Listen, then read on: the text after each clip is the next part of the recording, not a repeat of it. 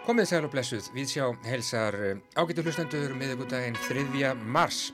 Kolsvartur prins sem eh, horfið til heimins, hljóðbókavæðing, grettissaga og hefðin og splungunitt íslenskt myndlistartímaritt í Víðsjá í dag. Við höldum til fundar í dag í Víðsjá við Starkað Sigurðarsson, reitstjóra nýst tímaritt sem heitir Myndlist á Íslandi. Útgáðan er samstagsverkefni samtaka íslenskra myndlistarmanna, kynningarmiðstöðar íslenskra myndlistar, Listaháskóla Íslands, Listfræðafélagsins og Myndlistar Ráðs. Við starkaður flettum í morgun sjóð heitu eintæki af tímarendinu nýkomnu úr prentsmiðum. Það lofaði góðu. Í síðustu viku nána tiltekið á fymtudag kom nokkuð óvænt út hljómplatan Carnage með ástrálska tónlistamannunum Nick Cave og samstarfsmanni hans til margra ára Warren Ellis. Platan hefur fengið góða dóma sumir gaggrinefndur jafnvel á þeirri skoðun að hér sé á ferðinni besta plata Cave til margra ára að minnstakosti síðan áfallið mikla dundi yfir Cave misti svonsinn Kornungan Artur í júli árið 2015 við segjum frá í Víðsjá í dag og hlustendur heyra tóndæmi. Og Greta Sigriður Einarstóttir fjallar í pesli dagsins um hljóðbækur og streymisvæðingu menningar. Og við höldum líka áfram að skoða kvöldsögur ásar eitt grettisögu út frá hinnum ymsu sjónar hortnum. Örnólfur Tórsson, sérlegur sérfræðingur þáttarins í grettisögum heimsækir okkur og Ræðir í dag meðal annars um aðferðir og vinnubröð höfundarins, nú eða höfundanna sem færðu söguna til bókar og um, hann ræðir líka um samræðu hennar við hefðina. En við byrjum á Svarta prinsinum, við byrjum á Nick Cave.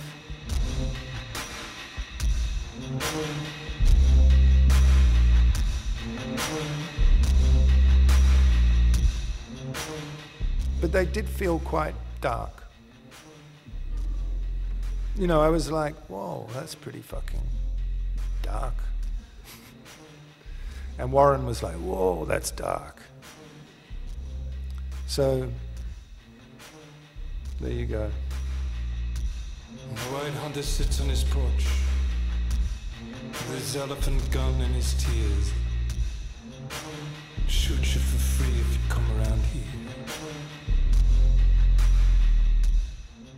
Þetta byrjar allt ágættu hlustendur með hönd Guðs en eh, þessu líkur úti á svölum. Í síðustu viku, nána tiltekið á 5. dags morgun, kom út plata með ástrálska tónlistamanninum Nick Cave sem hann vann í samstarfi við félagasinn úr hljómsettinni The Bad Seeds fyrirleikaranum Warren Ellis. Plata nefnist Carnage eða Fjöldamorð og eins og titillin gefur til kynna þá er hún myrk sem að kemur auðvitað ekki á óvart en samt ekki alveg laus við snefil af Bjart síni. Platan kom nokkuð óvænt út í síðustu viku, tekstarnir auðvitað eftir Nick Cave en tónlistina semja þeir Warren Ellis saman. Cave hefur sagt plötun að vera vægðarlausa en um leið engar fallega verkunnið á tímum samfélagslegar katastrófu. There are some people trying to find out who There are some people trying to find out why. There's some people who aren't trying to find anything but that kingdom in the sky. In the sky.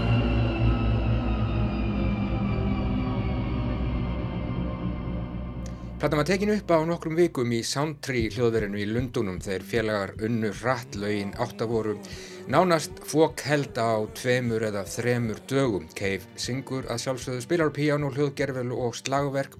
Ellis sér um fiðlur, flautur, orgel, klukkuspil og raunar margt fleira auk þess að syngja bakrættir. Og þessi plata, jú, hún hefur fengið rífandi góða dóma, fjóra stjörnur í The Guardian, engunina átta hjá bandaríska vefmiðlunum Pitchfork og uh, NME gefur fullt hús, fimm stjörnur takk fyrir. Þar er meðal annars talað um að þeir Cave og Ellis séu nákvæmlega núna á hátindi sinnar sköpunargleði. Þar segir líka að Carnage sé mögulega besta platta Cave síðan platan Push the Sky Away kom út árið 2013 eða jafnvel að Battuar Blue sem kom út í septembermánuði árið 2004 sem sé að minnstakosti það besta sem Cave hefur gert Frá því að áfallið dundi yfir, sónur hans Artur lést í júli árið 2015 eftir að hafa tekið LSD og fallið fram af kletti í Brighton í kjölfarið fyldu plöturnar Skeleton 3 árið 2016 og Ghost Teen árið 2019.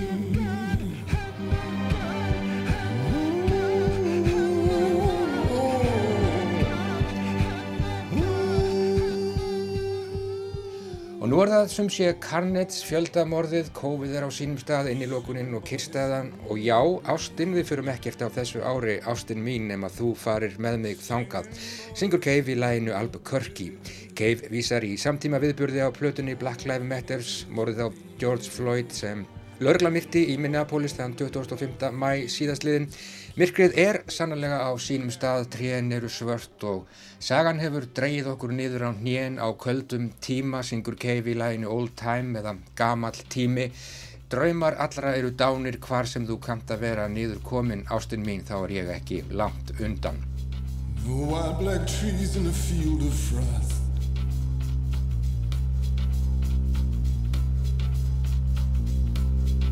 Bird fly low, you and me in the car are lost.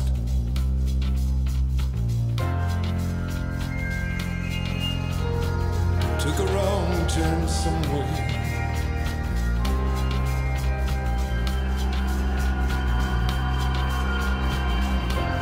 The end of the old time, the end of the old time for sure.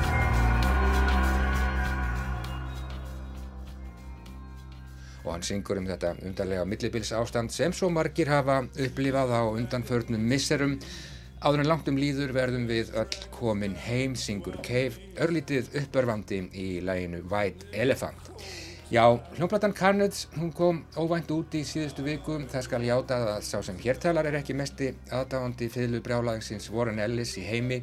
Það vantar eitthvað upp á fítni blæbriðin hjá honum þótt hann meini vel En uh, það breytir ekki þeirri staðrind að þeir Cave og Ellis eru sálufélagar og uh, ná ekki síst saman í segfljótandi melodramatík sem jú á það alveg til að keira um þverbak og mögulega ríflega það og uh, ég nú reyndir ekki frá því að hún gerir nákvæmlega það á þessari nýju plötu. I always seem to be saying goodbye and rolling through the mountains like a train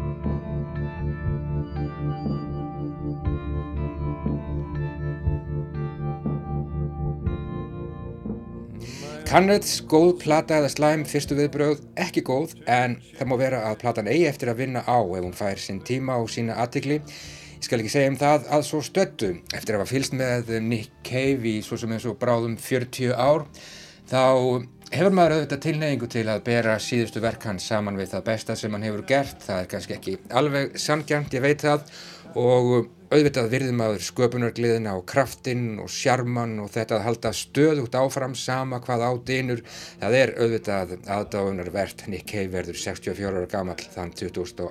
september síðar á þessu ári Nokkrir félagar mínir skelltu sér á tónleika í New York með Nick Cave and the Bad Seeds fyrir fáinnum árum og þeir eru ekki enn búinur að jafna sig, svo hrifnir voru þeir, svo magnaður var svarti prinsinn. Ég sjálfur satt hins vegar heima á mótþróaskeiði og sá eftir öllu saman og gerir það líklega enn þann dag í dag. En þetta byrjar allt með hönd Guðs og þessu líkur út á svölum. Carnage er alveg öruglega ekki besta platan sem Nick Cave hefur gert á laungum ferli langt frá því.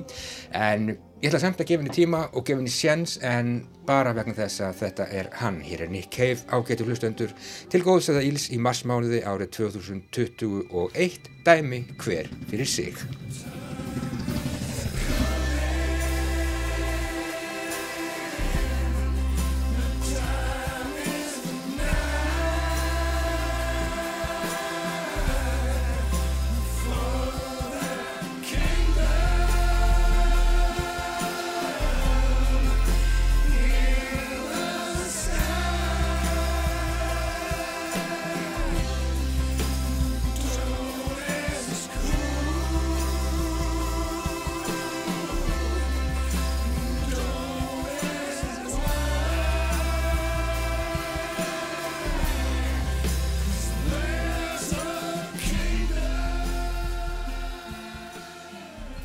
Já, Nick Cave og Warren Ellis í marsmánuði árið 2021 allt farið að sjóða upp úr þarna. Cave farin að horfa til himins hér undir lokin. Það hefur hann svo sannarlega gert áður lagið White Elephant. Kvíturfíl af plötunni Carnage sem kom nokkuð óvænt út á fymtu dag í síðustu viku.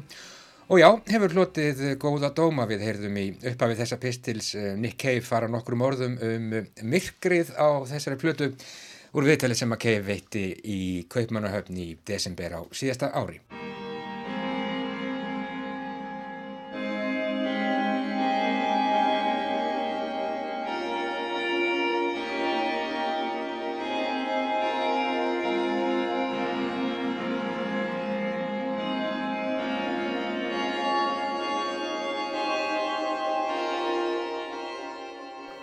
Já, kvöldsagan hér á rás 1 Grettisaga, við erum að flytja uh, lestur Óskars Haldurssonar á sögunni. Frá árunnu 1981 og við fylgjumst með hér í Víðsjá, verður velkomin í Víðsjá Örnólfur Tórsson, þú ert leðsögumadur okkar um þetta verk og fræðir bæði mig og hlustendur um uh, þessa skemmtilegu sögu. Ef að tala í dag kannski bara um, uh, já, svona vinnubröð þessa höfundar sem að færði Grettisögu til bókar, hvaða hvaða bröðum uh, beitir hann og, og hvað kannski svona, já, einkennir hans, hans aðferðir? Það kannski er misvísenda nótorðir ritthöfundur mm. eða höfundur um sagnamestarana sem að við getum kallað til ábyrðar á þessum sögum, Íslendingasögum. Eins og við nefndum í fyrri, fyrra spjalli þá eru sögurnar fljótandi texti eins og Einar Ólafur sagði. Það er, það er engin frumgerð til af nefni sögu. Nei. og það eru raunar til svo margar njálur til dæmis að ég man að ég bað Ólaf Haldursson heitinn eh, einhver tíma að, að eh, taka semst lesbreyði úr öllum þekktum handritum við smá klausu. Uh, og það reyndist verða þannig að það voru tvær línur á texta og restina blæðinu var full af tilbreyðum við þessar tvær línur það er svona kannski í nótskurt þessi vandi Já. en um, og við meðum ekki flytja með þegar við tölum um höfunda Íslendingasagna allan uh, sko farangur frá setni öldum um vinnubröð nútímaritt höfunda Nei. það er uh, varasamt en, en að því sögðu þá held ég að við getum sagt að sá maður sem að setja Gretlu saman í þeirri mynd sem að hún nú er varðveitt kannski á setni hluta 14. aldar eða undir, ja, undir, undir lok þeirra aldar. Við getum alveg fullirt að hann var mjög snjall höfundur, snjall uh, sagnamistari og hann uh, nýtti sér afar vel uh, skráðar bókmentir, Já. bókmentir sem þá höfðu kannski verið færðar á skinn en líka þær sem ekki höfðu verið færðar á skinn og voru kannski aldrei færðar á skinn Hann nýtti sér eh, innlendarheimildir eh, en hann nýtti sér líka nýjar bókmentir sem voru að varða til í, í Evrópu og eh, með þeim hætti að mér finnst ofta við getum talað um Grettisögu sem einhvers konar samræðu við hefðina mm -hmm. og uh, sagna hefðina sjálfan, samtal við aðra text eða hefðina sjálfa. Og það hafa svo sem margir raðað í bókaskapin hjá þessum ágæta höfundi, e, Guðni Jónsson í sinni ágæta útgafu af sögunni hjá Íslenskum fordrétum, Jónas Kristjánsson heitinn í bóksinum Fósbararasögu, Þóraldur Vilmundarsson í sinni útgafu af Harðarsögu og niðurstaðan er svo að það er verður dálítið stort bókasap. Mm -hmm. e, höfundurinn hann, hann vísar beint í þrjár Íslendingasögur lagstælu uh, bandamannasögu og bjarnasögu hýttalakappa hann vitnar í kveðskap eins og þorgerstrápu uh, hann vitnar rauna líka í eitthvað sem við getum kallað ævikviðu hallmundar uh, út í lögumanns á, á Kili. Hann vitnar í ævikviðu Grettis hver svo sem setti hana saman. Og hann nýti sér líka stef, eh, flökkustef eða minni úr öðrum sögum, eh, til dæmis eglu, erbyggju og vastælu og mér finnst, hann kallast á við þessa texta þannig að að, að við getum eiginlega sagt að hann, hann nýti hvaðeina hvar sem hann tekur ekki sína þar sem hann sér hana mm -hmm. og fellir hana að, að sinni ágættu bók Já, og svo bætastu þetta við munlegar frásagnir Já, það, er, það eru þessar uh, þjóðsögur, mm -hmm. þetta þjóðsagna efni mm -hmm. um, þekktast er nú kannski uh, þekktust er umræðanum tengsl gretlu við Bjólf, Bjólfskviður um það skrifaði lesari þessarar uh, sögu núna uh, príðilega príðilega grein mm -hmm. uh, þar sem hann rekur rekur venslin við kannski tölum um það setna það, það er greina sem að Óskar skrifaði tvær góðar greinar um þjóðfræðaefni í, í Grellu Já, það er hann um tröllin í Bárðardal er það ekki? Jú, tröllin í Bárðardal og hliðstæðan við baróttu uh, bjóls við, við óvættirinnar Grendel og móður, móður já, hans. Já. Um, síðan eru tengsl við rittarabókmentir það er síðustu sex kaplarnir í Grellu eru með öðrum braga eins og margir hafa tekið eftir. Það er uh, það sem er verið að uh, tala um ástir, spesar og og drómundar og þessi, þessi hluti dregur dám af uh, vinsælum uh, evróskum bókmentategundum uh, sem kallaður eru fábiljur eða fabljó mm -hmm. nú frásögnuna því þeirra Grettir nöðgar Guðkorunni hún kallast á við uh, frásögn í Decameron eftir Boccaccio þar sem uh, segir af Massetto sem að tekist vera döðdumbur og fær þannig vinnu í nunnuklaustri þar sem hann á að sinna, sinna gardrækt en hefur meiri áhuga á nunnunum og nær sem sagt aðtikli þeirra og sínu markmiði með því að þykjast vera sofandi þegar að tvær uh, nunnur uh, eiga leið hjá og svo þegar þær koma aftur þá var hann komið með allt upp um sig. Já og afleiðingin ljós. Mm -hmm. Þetta er sem sagt þessi fraga, saga sem að varðvitt er hjá Boccaccio er þekkt svo sem annar staðar í ymsum gerðum á 13. og 14. öld en uh, það kannski þessi síðasti hluti um, um hérna spesarþátturinn um ástarbrellurnar uh, og tengslinn við þessar fábiljur sem að, svo maður noti orðsveris Tómassonar sem eru kannski aðtiklisverðust. Þetta eru, eru varðveittar svona um 100-150 svona gamansögur í euróskum bókmæntum. Blómatímin er svona fram á miðja setni luta 14. aldar mm -hmm. og þetta eru frásarnir þar sem greint er frá tveimu kvallum og einni konu og alltaf, nánast alltaf er er konan gift öðrum þeirra en hinn er elskuinn og hún felur elskuðan venjuleg einhverstaðar í húsinu þegar bóndin er nálægur og gamnar sér við hann þessa milli. Og uh, oftast fer elskuðin með sigur og holmi í þessum prásvörnum en stundum kemur uh, eigi maðurinn upp um, um uh, eljaran og konuna. Mm -hmm. Þannig að Grettisaga er, er í þínum huga örnúlur um, í raun og veru þjættriði net og þarna er, þarna er ansi sterk í árnabinding og sá sem, eða sá, já, alltaf fellur maður í sama pittin, sá sem færði þetta til bó, bókar, sá eða svo uh, vissi alveg hvað var að gera. Já, ég sem sagt hef held að mig færa mörg rauk á því að þarna er höfundur sem er mjög vel mentaður í alls konar bókmentum, bæði skrifuðum og óskrifuðum. Hann hefur mjög góða yfirsýn yfir hefðinni eins og þú getur lesið hann að bókum en hann hefur líka eirun opinn fyrir hinnu sem ekki var fest á skinn. Já og öllum þessum munnmælasögum um Gretti sem hafa verið eh, margar og útbreytar eins og við sjáum til dæmis bara af þessum ótrúlegu örnefnum sem er, eru kend við Gretti, Grettis haf, Grettis skirta, Grettis oddi, Grettis nef ja. og hvaðina og, og vist að Grettir hafi nokkuð tíma komið þar. Einmitt, nákvæmlega. Örnur Tórsson, uh, ég segi takk fyrir spjallið í dag, við höldum áfram að tala um uh, Grettisögu í næstu viku og já, hlusta á Óskar Haldursson lesa þessa frábæri sögu. Takk fyrir í dag og heyrjumst eftir viku. Takk svo með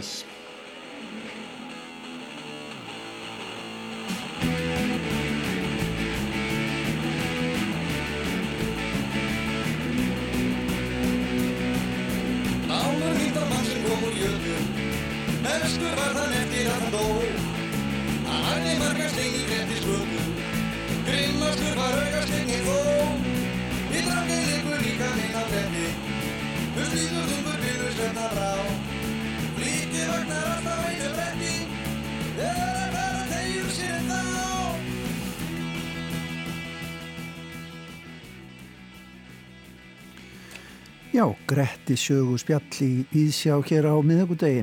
Böbbi Mortens sló hefbundin botni í það með læginu sína af Íspjarnablús um Gretti og Glám. Örnólu Tórsson, íslensku fræðingur og fórsettarítari, leðsögumadur okkar sem fyrr um Gretti sögum. Óskar Haldursson heldur áfram að lesa söguna hér á Rás 1 í kvöld. Það er fyllilega hægt að mæla með lestri Óskars. Það er 11. lestur í kvöld, hann hefst stundvíslega klukkan 21.30 klukkan hálf 10. Erum síðan aftur í Örnólfi Tórsinni hér í Víðsjá tala um Gretti í næstu viku. En tónlistarunendur hafa margir hverjir lengi beðið eftir því sem er framöndan núna um helgina. Þá hefur vikingur Heiðar Ólafsson tónleikahald sitt til að fagna útkomu plötu sem reyndar er laungu komin út með tónlist Debussy og Rameau. Tónleikar í hörpu sem að hefjast á förstu daginn. Hann hefur þurft að fjölga tónleikadögum hann vikingur en það hefur hann þurft að fresta tónleikahaldinu, já, allavega tvísarsinnum og dáltið snúið að koma þessu öllu heim og saman. En það er hægt að fá einhverja miða í hörpu um að gera að benda fólki á að heyra heimspíanastan okkar á tónleikum en þetta er dáltið annað að heyra hans upp á sviði, ekki bara á plötunum góðum. Síðan eru framöndan tónleikar bæði á Ísafyrði og Akureyri og margir spendir yfir því að heyra loksins viking leika þessa tónlist fyrir áheyrendur. Við skulum heyra smá ramó af þessari frábæru plötu vikings, þetta er samtal fugglana.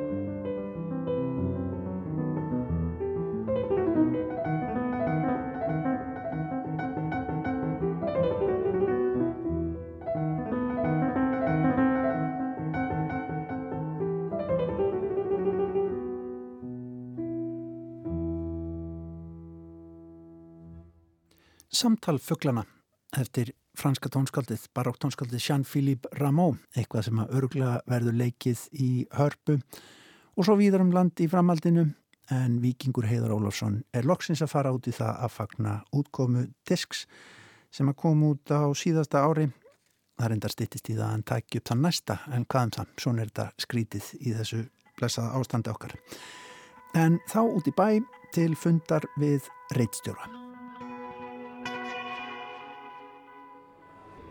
Við erum sérst hérna á kaffehúsið á Kjarvalstöðum og það er kannski viðegandi staður fyrir næsta spjall okkar því að hingað komin rítstjóri glænís tímarits sem heitir Myndlist á Íslandi á einsku Art in Iceland Starkaður Sigurðarsson ég segi bara til hamingið, þú varst að koma úr prentsmiðinu með nýjasta eindækið, bara fyrsta eindækið Jú, mikið rétt, við vorum bara að fá þetta í hendunar og þetta lítur bara ansi vel út. Við erum spennt fyrir því að annað fólk fá þetta síðan í hendunar við erum búin að vera að vinna þessu í þó nokkuð tíma og við erum stolt að þessari vinnu. Hlakum til að sjá hvað gerist. Sko þú er búin að vera í nokkur ár að reytstýra tímariti sem að heitir eða hétt og er þá líklega lagt niður um leið sem að heitir Stara og hefur verið myndlistatímarit sem að sín samtöku íslenskra myndlistamanna hafa staðið að. Það er eiginlega búið að, hvað maður segja, breyka grundvöldin undir, undir þetta tímaritt sem að nú lítur dagsveitljós. Jú, einmitt. Stara var uh, flott tímaritt sem sím einmitt uh, stóð að. Og uh, það náttúrulega bara svona stækkaði og ógs með tímanum og, og það kom að því að fórum á endanum að tala um hvort við ættum ekki bara stækka alla leið og, og koma annað fólk inn í það. Og, og það var bara tekið rosalega vel í það. Þannig að ásamt uh, eru núna kynningamöðstöður slíka myndlistar uh, kým inn í þessu myndlistaráð, uh, hérna, listfræðafélag Íslands sem og myndlistadeildin í LHI koma öll að þessu og, og við höfum náðu að gera þetta já, en þá stærra og svona verðura og hérna flottara held ég. Mér sýnist það, svona við fyrstu sín ég er aðeins búin að fletta þessu, þetta virkar mjög glæsilegt og, og doldi ellendi svona finnst manni.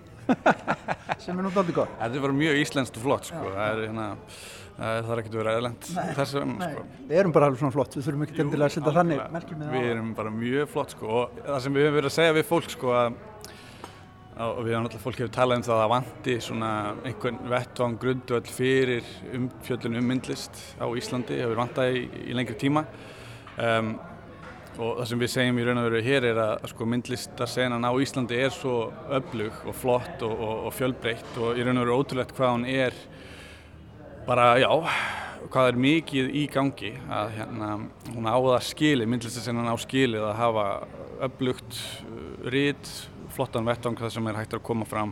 Umfjöllin bæði sko, þar sem listamenn er að tala um að það eru listamenn eða síningastjórar er að tala um síningar eða stopnarnir er að koma frá sér ykkur efni eða, eða hvað sem það er sína líka bara myndlistaverk uh, og, og þar sem það er ykkur staður þar sem þetta getur komið fram bæði þar sem að myndlistarsenan getur séð sjálfan sig á forsöndum myndlistarinnar en líka að fólk í samfélaginu þar sem myndlistar síðan býr náttúrulega í þessu samfélagi sem við búum öll í að það fólk, samfélagi sjálf geti séð hvað er að gerast í myndlist á Íslanda því það hefur mjög mikið við samfélagi allt að gera.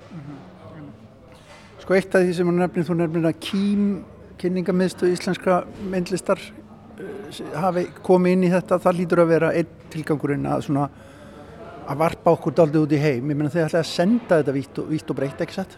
Jú, Algjörlega, það hefur náttúrulega bara eins og er, er að gerast í myndlistinni undanfærin ára og hefur náttúrulega alltaf kannski verið en sérstaklega núna þá hefur íslenski, hafa íslenski myndlistum verið að sækja út mjög mikið og, og íslensk myndlist á einandi út af við og, og, og það sem er í þessu fyrstu, hérna, fyrstu útgáfi hjá okkur uh, er líka hugsað sem einmitt kynningarefni kannski eða svona, já, góða auðvilsing fyrir það sem er að gerast á Íslandi.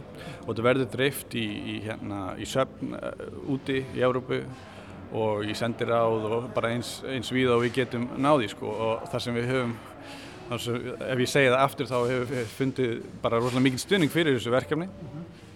Og, og fólk bæði hér á landi og erlendis er mjög spennt að sjá hvað er að gerast í myndlist á Íslandi. Ef við kíkjum bara á þetta hérna fyrir framann okkur, hvað hva getur þú sagt okkur um efnistöki í, í fyrsta tölublaði? Já, fyrsta tölublaði er hérna, fyrsta sem hún sér er, er, er um, svona jakki sem er hægt að stakka upp í, í plaggat í raun og veru sem er uh, verk eftir Lucky 3 teimið sem að voru með síningu í Kling og Bang í desember 2019 held ég. Um, Ansi magnaður skúr sem var á þeirri síningu, svona sölu skúr, ég mann man vel eftir þessu verki, hafði hérna árið á mig. Einmitt, þetta voru mjög flott síning og, og talaði mjög bengt til uh, stöðu minnihlutahópa í bæði myndstinu og í samfélaginu held og, og það verk þeirra Sari Sari stór uh, sem einmitt var þannig tilbúin skúr sem kom inn í síningarími það prýðir hérna fórsíðana en við erum líka með viðtal við þau, við lakkið þrý um, þau eru alltaf búin að vera að gera marga mismunandi hluti. Uh, við erum með viðtal við Lilju Alfredsdóttir menta og menningamaraláðar þar sem hún lýsir yfir bara sínum gríðarlega stuðningi og tausti við myndlistasenuna núna. Og, og mjög, mjög áhugast að tala við hann núna sérstaklega á, á kostningar ári og, og hún hefur sínt það held ég að hún er þess vilju að hlusta á myndlistamenn og, og hennar náttúrulega aðgerðir uh, fyrir sko, myndlistamenn í, í, í faraldrinum í COVID-19 ástandinu hefur haft mjög bein áhrif á, á starfsvettang okkar myndlistamanna þannig að það var mjög áhugað að heyra hvað hún hefur að segja og hver hennar hérna framtíðar áform eru sko. það var mjög gott að tala við hana En annars erum við líka með alla umfjöldununa um til dæmis myndlistaverlunin í blæðinu sem voru núna nýlega aðfend. Við erum með uh, svona arkíf, COVID-19 arkíf þar sem við tölum við uh, viðan uh, hérna svona svaða af, af myndlistarfólki í myndlistinu á Íslandu og aðtögum bara í svona beinum eða tilvittnunum eða viðtölum hvað var að gerast hjá þessu fólki í, í hérna faraldrinu, hvort að það hafi allt farið í í rugg hjá þeim sem var náttúrulega oft en fyrir suma var þetta náttúrulega frjótt tímabila sem voru hægt að hafa frelsi frá endalusum deadlineum og svona en þetta náttúrulega fór mjög ítla með myndlistarsennuna og, og það eru þarfar aðgerðir sem að, hérna, sem að koma þannig bara beint fram sko, hvað þarf að gerast. Og, og margar spurningar sem ennþá eru uh, hérna, bara ósvaraðar sérstaklega þar sem að jafnvel núna meirinn árið eftir byrjun faraldsins þá vitum við ekki alveg hvernig þetta endar og ja. það er náttúrulega ennþá uh, svona heftandi takmörk á, á söfn og, og síningastæði og það þarf að leysa úr þeim málum á, á einhvern hátt sem að sko tekur ekki mörg ára að riðla úr af því það hefur allt sko riðlast allstaðar í myndstæðinu þannig að það er mjög hóvert að tala við fólk um bara hvernig þau hafa tekist á við það sko En svo erum við líka bara með umfjallanum um síningar, bæði síningunarnar Ástu Ólafsdóttur í, í nýlistasamninu, við erum með uh, Claire Pogam talar við okkur um uh, leikleði í myndlist á Íslandi sem er mjög svona íslenskt uh, afbreyði af myndlist. Að það finnist þessi, þessi leikleði sko. En uh, svo er líka mjög ítalega og góð uh, umfjöllun um, myndlistadeildina í LHI sem mér finnst mjög áhugert að lesa það sem að listaháskólinn er verður alltaf svona stærri og stærri og mikilvægari partur af ekki bara myndlistasinnu, heldur bara samfélaginu okkar hérna á, á Íslandi. Það eru 30 listamenn á ári sem, 30 plus listamenn sem útskrifast núna líka úr MA BA og MA stíði, koma inn í samfélagið og, og hafa áhrif á, á víðum vettvangi. Sko. Er, þetta eru hérna verkefni, þetta eru efni, þetta er efni sem við viljum tala um og, og eins og ég segi þá hlakka ég til að aðri geti komist hérna yfir það Já. Sko, ef ég spyr þig svona kannski persónlega uh, og kannski upplifun vegna sem þú nú ekki þú ert ekki svo ríkfullorðinn en, en samt, samt búin að vera rittstjóri störu í nokkur ár og þú varst með til dæmis myndlist að pysla hjá okkur í Víðsjá og hefur svona, og þetta verið, verið í, í einhverju kennslu og annað slikt sko en bara það að koma inn í Íslands myndlistarlífi fyrir ungt fólk, svona að fóta sig. Uh, vegna þess að maður veit að það eru, þetta er stór hópur. Þetta er hérna listaháskóli Íslands er til dæmis duglegur við að framlega myndlistafólk eins og bara listafólk almennt. En hvernig er, hvernig er svona tekið á móti ungu fólki finnst þér?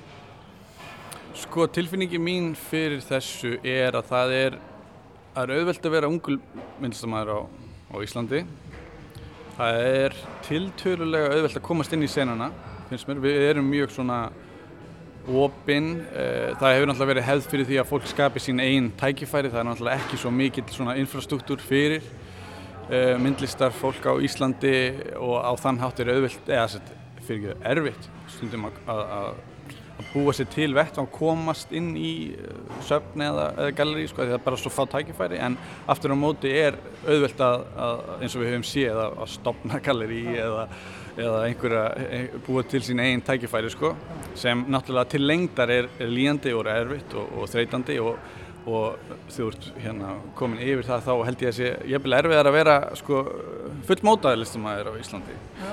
af því að þá ertu kannski búin að sína svona víðast hvar og hérna ekki endilega fara hann að endur taka þig en það er svona, þú veist, maður verður þreytur á því að endalist búa til sín eigin tækifæri og þá þurfa stopnarneinar einhver meina að grípa fólk sko líka. En, en já, ég myndi segja að það væri auðvöld fyrir uh, það var, já, það er aðgengileg senan er aðgengileg, ekki bara fyrir listamenn heldur líka bara fyrir almenning, það eru, eru margar síningar hérna, það eru ótrúlega margar síningar hérna, jáfnvel bara miða við sko stærri staði á meginlandinu Uh, og, og á þann hátt er, er auðvilt að finna eitthvað til að gera sko.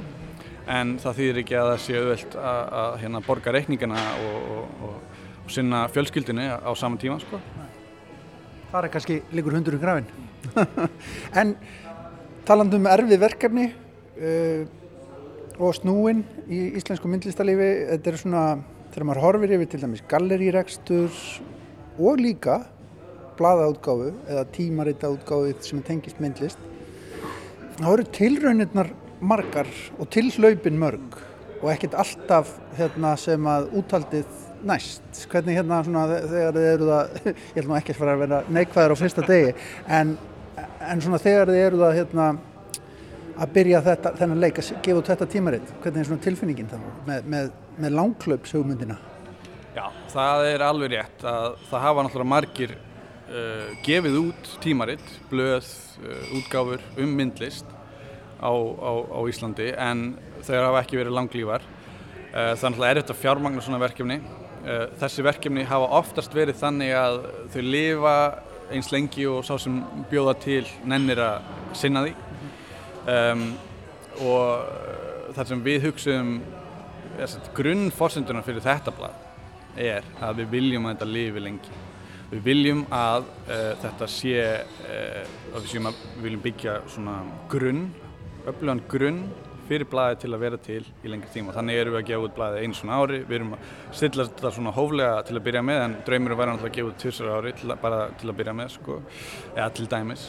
Um, en sko það sem álíka til að gerast er að að því að það er svo erfitt að koma svona fyrirbæri bara af stað að finna út úr hvernig struktúrun á að vera, tala við prentstofuna, finna pening fyrir það. Eh, þú ert að gera allavinnuna sjálfur og oftast í hjáverkum á meðan þú ert að gera, í gæsleipum þína alvöru vinnu einhverstaðar annar staðar. Um, sem þýðir bara það að, að oftast, eða það hefur verið að það hefur gæst að all orkan fari í bara að koma prentinu út, bara að, að láta þetta gerast. Sem þýðir líka oft að efnið sjálft fái ekki kannski aðtiklina sem það á skilið. Þannig að þegar við erum að segja að við viljum byggja grunn fyrir þetta blad til að lifa í lengri tíma þá erum við líka að tala um að, að réttstjórnin hafi e, tíma og rými og bara tækifæri til þess að þróa efnið, sitja með því, e, tala við höfundi fram og tilbaka um þetta efni og, og passa að, sko, að það sem er í bladinu e, sé verðugt og, og, og bara eins og myndlistasennan á skilið hér sko að því að uh, þú veist það er svo mikið gott í gangi hérna og ef við gerum því ekki skil þú veist, þá er áhægt að náttúrulega eins og við þekkjum alltaf það að það eru marga síningar hérna á Íslandi sem bara gleymst eftir að það er opniðust eða eða hérna einhver stór verkefni sem bara fá einhverju svona smá umfyllinu og svo er það glengt sko. Það er svona hluti af myndlistasenuna og er doldið svona hverfuli hérna. Svona. Þannig að við viljum reyna að búa til eitthvað sem getur lifað já fyrir samtíman en síðan kannski byggt upp einhvers konar svona hefð fyrir því að þetta sé bara svona, svona á myndlistasenuna að vera. Það þarf að vera umfyllun, vettfangu fyrir umfyllun og við viljum vera sá staður og, og svo líka eftir 10 ári eða 20 eða 30 já kannski verðum við ennþá að gera þetta vonandi en það verður líka hægt að taka upp þetta blað og sjá þá kíkja aftur í tíman aðeins og sjá hvað var verið að fjallum þegar þetta, þetta eintak kom út sko. það er líka það sem við vantar ef það er engin umfjöllun þá vantar heimildir senna meir það er erfitt að finna heimildir um myndlist og myndlistarsýningar Uh, sérstaklega ef það er hérna að fara eitthvað aftur, meira lengra aftur í tíman heldur en bara, þú veist, 2000 sko. Ég segi bara gangi ykkur sem allra best með myndlist á Íslandi. Þetta er spennandi framtak og, og hérna, flott að það sé svona svona samtakamattur í þessu og, og þarna komi ólíkir aðila saman að, að svona verður í útgáð Takk kærlega fyrir spjallið hérna á kjárvarstöðum Starkaði Sigurðarsson Takk kærlega fyrir.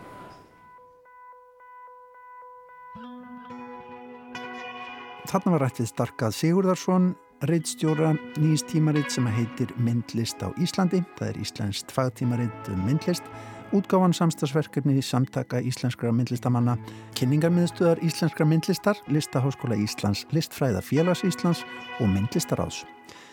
Þetta lofar góðu þetta verkefni. Það er hægt að fylgjast með myndlist á Íslandi inn á Facebook, leitið einfallega bara að myndlist á Íslandi og líka inn á Instagram. Í framtíðinu er síðan ætlunin að koma upp vefsíðu fyrir tímaritið en formlegur útgáfu dagur þess fyrsta tölublads er 7. mars næstkomandi og það verður haldið útgáfu búið á sunnudaginn millir klukkan 13 og 17 í Open Grandagarði 27 til að fagna útgáfu fyrsta tölublads.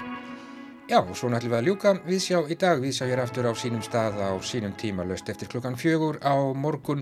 Þá ætlum við meðal annars að hugaða síningu sem opnum verður um helgina í ljósmyndasafni Reykjavíkur, afmælissíningu í tilefni af 40 ára afmæli Sapsins. Marja Elisabeth Bragadóttir, rítumundur, hún heldur áfram að færa hlustendum sannleikskorn og sitt hvað fleira verður á dagskrá hjá okkur. En við segjum þetta gott í dag, takk fyrir samfélgina kærlega, verið sæl.